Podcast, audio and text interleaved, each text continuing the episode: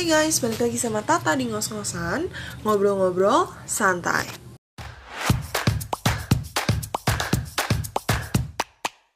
Hai Fishes, apa kabar semuanya? Semoga kalian semua ada dalam kondisi yang sehat dan baik-baik aja. Nah, di podcast kali ini gue gak bakalan sendiri. Gue bakalan barengan sama temen gue yang pastinya akan bikin podcast ini jauh lebih seru. Nah, kira-kira siapa sih yang bakalan nemenin gue di podcast kali ini? Hai guys, nama gue Marlin. Biasa sih teman-teman suka manggil gue Lene. Gue anak prodi Ilmu Komunikasi semester 2 kelas malam. Hai Lene, gimana nih UTS-nya? Aman? Baik? Iya ya, kita kebetulan minggu-minggu ini lagi minggu-minggu UTS nih, lagi minggu-minggu yang berat. Nah puji Tuhan sampai hari ini UTS gue baik-baik aja, lancar-lancar aja. Kalau lo gimana tak? Puji Tuhan di ujian minggu ini masih lancar, tinggal ujian di minggu depan nih. Ya, semoga semua teman-teman Fishes UTS-nya lancar-lancar aja sampai hari terakhir dan bisa dapat nilai yang memuaskan. Nah, hari ini kita mau bahas apa, Tata? Nah, jadi berhubung hari ini adalah hari Paskah, hari kebangkitan Tuhan Yesus Kristus, maka podcast kali ini tuh adalah podcast spesial Paskah. Gitu, Len. Oke, hari ini kita akan membahas apa sih makna Paskah buat diri kita masing-masing. Nah, kemarin itu kita juga sempat udah buka question box di Instagramnya Semafish UDM dan udah masuk beberapa respon dari teman-teman mengenai pendapat teman-teman tentang makna Paskah buat diri kita sendiri. Nah, mungkin dimulai dari kita dulu kali ya, Tak. Kalau menurut lo, apa sih makna Paskah buat diri lo sendiri? Oke, makna Paskah buat gue pribadi ya sebenarnya pastinya adalah hari kebangkitan Tuhan Yesus Kristus sendiri ya. Jadi itu adalah makna yang bisa gue ambil nih dari Paskah. Tapi selain itu, Paskah sendiri itu lebih kepada hari-hari di mana gue bisa ke gereja bareng sama teman-teman gue secara full empat hari berturut-turut dimulai dari hari Kamis suci Kamis putih, terus ada Jumat Agung, ada satu suci atau malam Paskah, dan ada hari Paskahnya gitu karena untuk gue pribadi yang memang setiap minggunya itu kan biasanya ke gereja bareng keluarga. Nah, Paskah ini adalah uh, biasanya sih adalah tempat di mana gue nih sama teman-teman gue gitu. Jadi kayak gue sama teman-teman gue nih sengaja kumpul beberapa orang hampir kayak 10 atau 15 orang dan kita tuh akan misa bareng. Nah gitu kalau misalkan menurut gue. Kalau misalkan makna pasca menurut lo itu gimana nih Len? Kalau menurut gue sendiri makna pasca bagi gue sih gue berkaca dari peristiwa kebangkitannya Tuhan Yesus juga ya. Jadi kan kalau Tuhan Yesus itu bangkit dari maut ya, kalau diaplikasikan dalam kehidupan kita sehari-hari menurut gue kita juga harus bangkit. Nah bangkitnya maksudnya bukan bangkit dari maut maksudnya bukan kita bangkit dari kematian tapi kita bangkit dari diri kita yang lama kita meninggalkan dosa-dosa kita yang lama. Nah itu sih menurut gue makna paskah buat gue.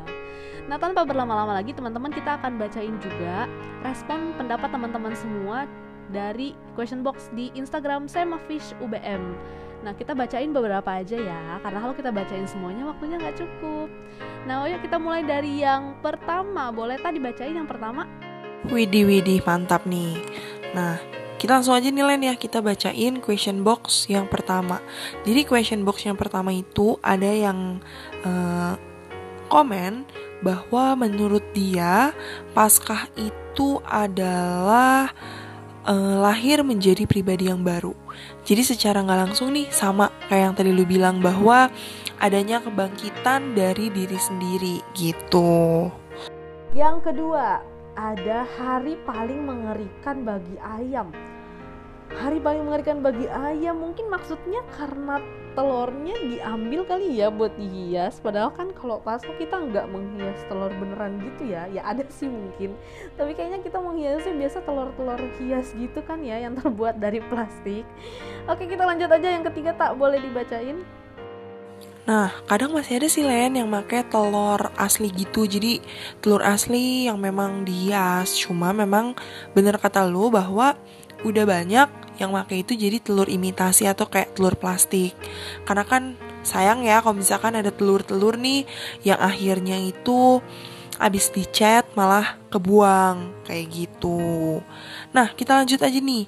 Yang ketiga itu ada yang bilang uh, bahwa Paskah itu adalah hari pembuktian atau bisa kita bilang adalah hari mukjizat. Kayak gitu. Nah, yang keempat. Yang keempat ini berhubungan lagi sama persoalan telur dan ayam. Nah, pendapat dari orang keempat ini adalah tradisi hias telur. Nah, sebenarnya gue penasaran sih, tak sejak kapan sih telur ini jadi identik sama Paskah? Mulai dari kapan gitu? Jadi telur itu kayaknya berhubungan related sama Paskah gitu. Nah, yang aku tahu sih Len bahwa memang uh, budaya menghias telur ini gitu ya itu kan bisa kita sebut sebagai salah satu budaya juga. Um, budaya ini tuh memang udah ada dari lama. Yang aku tahu itu udah ada dari sejak abad ke-13. Nah, awalnya telur pasca yang dihias ini tuh hanya berwarna merah. Jadi secara simbolis, merah ini tuh diartikan sebagai darah. Darah dari Tuhan Yesus yang udah apa ya lebih ke mengorbankan nyawanya untuk menebus dosa manusia. Cuma memang seiring perkembangan zaman, telur-telur yang awalnya itu hanya satu warna merah gitu aja tuh mulai berubah, mulai sekarang ada desain-desain yang lebih unik, lebih lucu gitu. Nah tapi nih Len, aku bingungnya kenapa sih harus telur gitu? Kenapa nggak barang-barang lain gitu? Nah, karena yang gue baca sih, telur itu menjadi simbol kelahiran dan identik dengan kebangkitan Kristus sehingga kalau dikaitkan dengan Paskah itu menjadi simbol kebangkitan Yesus yang sudah melewati sengsaranya gitu. Nah, jadi mungkin dalam hal ini telur itu menjadi simbol kelahiran dan kebangkitan Kristus ya. Cuman banyak banget kayaknya dari kita yang juga belum ngerti, belum tahu sebenarnya maknanya itu sedalam itu, identiknya telur dengan Paskah itu sebenarnya sedalam itu, tapi jadinya kayak misalnya nih anak-anak sekolah minggu gue juga kan pernah ya nemenin guru sekolah minggu ngajar di sekolah minggu. Nah kalau ditanya nih misalnya anak ke anak-anak sekolah minggu apa sih yang kalian tahu tentang pasca terus mereka tuh jawabnya kayak telur telur. Yang mereka tahu kayak cuma telurnya. Jadi sebenarnya makna kebangkitannya itu gak dapet gitu kayak kurang gitu rasanya. Nah jadi sebenarnya ya gitu ya teman-teman. Jadi telur itu di sini sebenarnya melambangkan kebangkitan Kristus dari sengsaranya gitu. Jadi sebagai pengetahuan baru aja nih buat kita gitu. Nah setuju banget tuh Jadi dulu pas aku juga ngebimbing anak-anak bina iman anak yang masih kecil-kecil gitu Kalau misalkan Paskah udah pasti deh Paskah itu apa sih? Pasti semuanya tuh kayak jawab telur, menghias telur, telur, telur Nah tapi nih Len di question box selanjutnya Ada yang jawab udah bukan telur lagi. Jadi uh, dia itu jawab bahwa Paskah itu tentang sukacita. Mungkin bisa aku apa ya, aku sambungin bahwa sukacitanya itu adalah sukacita akan kebangkitan Yesus Kristus itu sendiri gitu Len. Iya sih bener banget setuju banget kalau Paskah itu sampai dengan sukacita juga Jadi Tuhan itu kan udah bangkit nih Udah menebus dosa kita semua Nah kita kan sudah sewajarnya kita bersukacita gitu. Oke gue bakal lanjut ke yang keenam Yaitu New Easter, New Me. Gila ini kayaknya mirip-mirip nih sama pendapat gue tadi. Jadi Paskah baru, gue yang baru gitu kan. Jadi kayak mungkin sama kayak pendapat gue soal makna paskah. Jadi kayak bangkit dari diri kita yang lama meninggalkan dosa-dosa kita. Oke boleh kita lanjut ke yang berikutnya tak oke Len. Nah dari semua jawaban nih ini jawaban yang menurut aku paling ngena deh. Untuk makna paskah mungkin dari aku pribadi sebenarnya ini gitu loh makna paskahnya. Bahwa dia bilang makna paskah itu adalah besar kasih Yesus kepada umatnya sampai rela mati di kayu salib untuk menebus dosa-dosa manusia.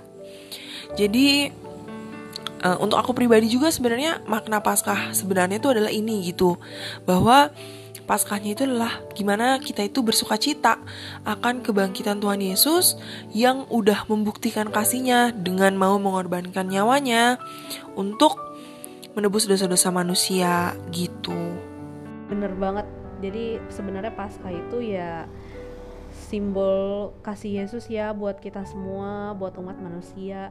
Yesus sudah rela banget mati di kayu salib buat kita, padahal kita ya sebenarnya kita kayak ngelihat diri kita siapa sih gue gue kayak bukan siapa-siapa deh kok Yesus bisa rela mati. Jadi memang kasih Yesus tuh besar banget ya buat kita semua sampai Yesus rela mati di kayu salib untuk menebus dosa-dosa kita.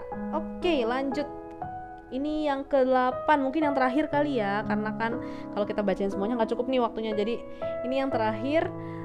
Selalu menghias telur pas zaman sekolah Iya sama banget gak sih kayaknya kalau pas sekolah dulu tuh tiap paskah ada aja gitu ya yang berhubungan sama telur entah menghias telur atau nyari-nyari telur telurnya diumpetin kita cari-cari lu sama gak sih tak kayak gitu juga gak sih? Nah pas gue di sekolah uh, dari gue itu kan memang kebetulan sekolahnya itu di sekolah Katolik jadi kita tuh selalu ada perayaan Paskah bersama gitu. Nah dari sejak SD bahkan sampai SMP atau SMA biasanya itu kita ngerayain pasca itu pastinya dengan menyembunyiin telur. Jadi biasanya kayak ada telur rebus yang disembunyi-sembunyiin, nah nanti telur yang memang ditemuin gitu tuh boleh dimakan. Nah selain itu biasanya sekelas itu ada kayak lomba menghias telur. Nah ntar yang dari tapi telurnya kayak yang ini bohongan gitu ya, jadi telur imitasi yang boleh kita chat-chat.